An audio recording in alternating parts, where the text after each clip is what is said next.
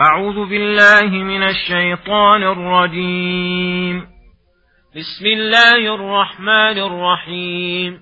إذا زلزلت الأرض زلزالها وأخرجت الأرض أثقالها وقال الإنسان ما لها يومئذ تحدث أخبارها بأن ربك أوحى لها يومئذ يصدر الناس أشتاتا ليروا أعمالهم فمن يعمل مثقال ذرة خيرا يره ومن يعمل مثقال ذرة شرا يره بسم الله الرحمن الرحيم والعاديات ضبحا فالموريات قدحا فالمغيرات صبحا فأثرن به نقعا فوسطن به جمعا.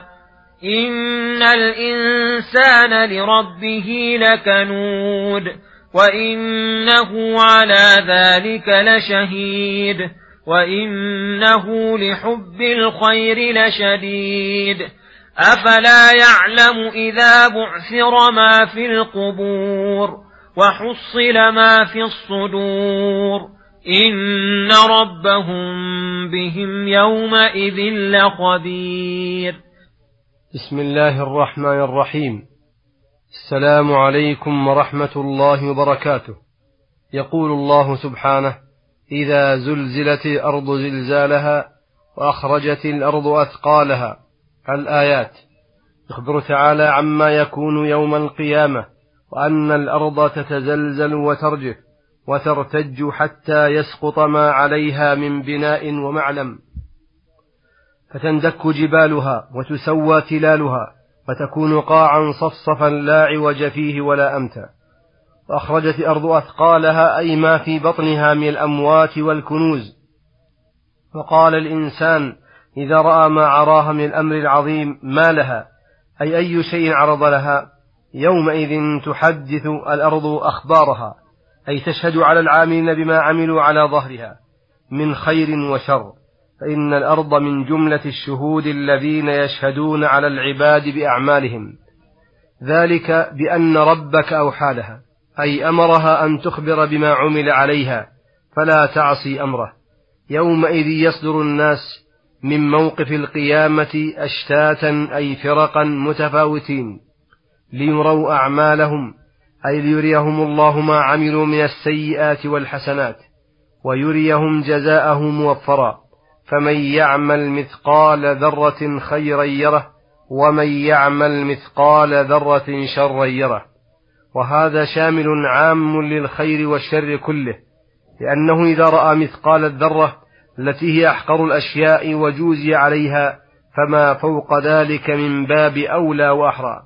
كما قال تعالى يوم تجد كل نفس ما عملت من خير محضرا وما عملت من سوء تود لو أن بينها وبينه أمدا بعيدا ووجدوا ما عملوا حاضرا وهذا فيه الترغيب في فعل الخير ولو قليلا والترهيب من فعل الشر ولو حقيرا تم تفسير سورة الزلزلة والحمد لله والعاديات ضبحا فالموريات قدحا.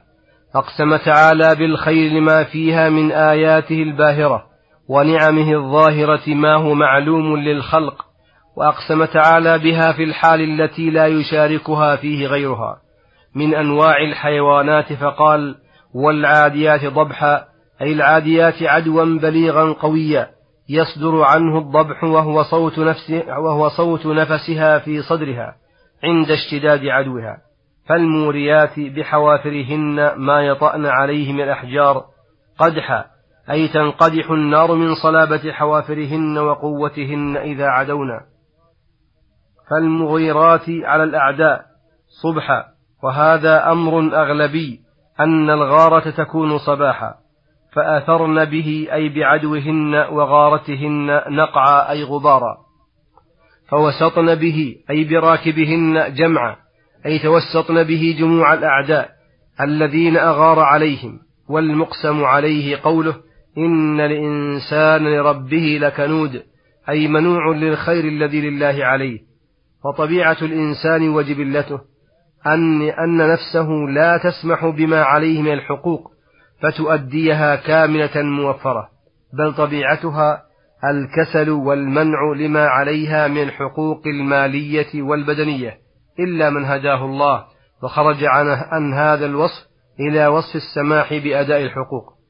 وإنه على ذلك لشهيد أي إن الإنسان على ما يعرف من نفسه من المنع والكند لشاهد بذلك لا يجحده ولا ينكره لأن ذلك بين واضح. ويحتمل أن الضمير عائد إلى الله أي إن العبد لربه لكنود والله شهيد على ذلك ففيه الوعيد والتهديد الشديد لمن هو لربه كنود بأن الله عليه شهيد وإنه أي الإنسان لحب الخير أي المال لشديد أي كثير الحب للمال.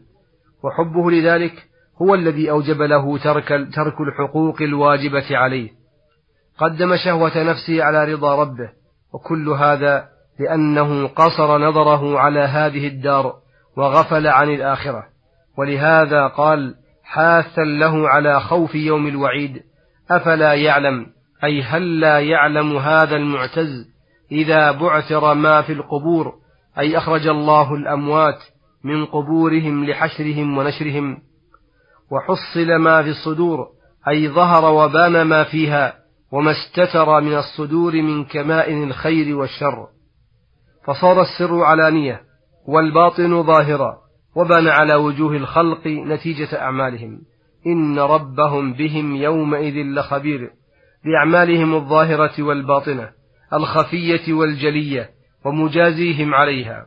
وخص خبرهم بذلك اليوم مع أنه خبير بهم في كل وقت لأن المراد بهذا الجزاء على الأعمال الناشئة عن علم الله واطلاعه.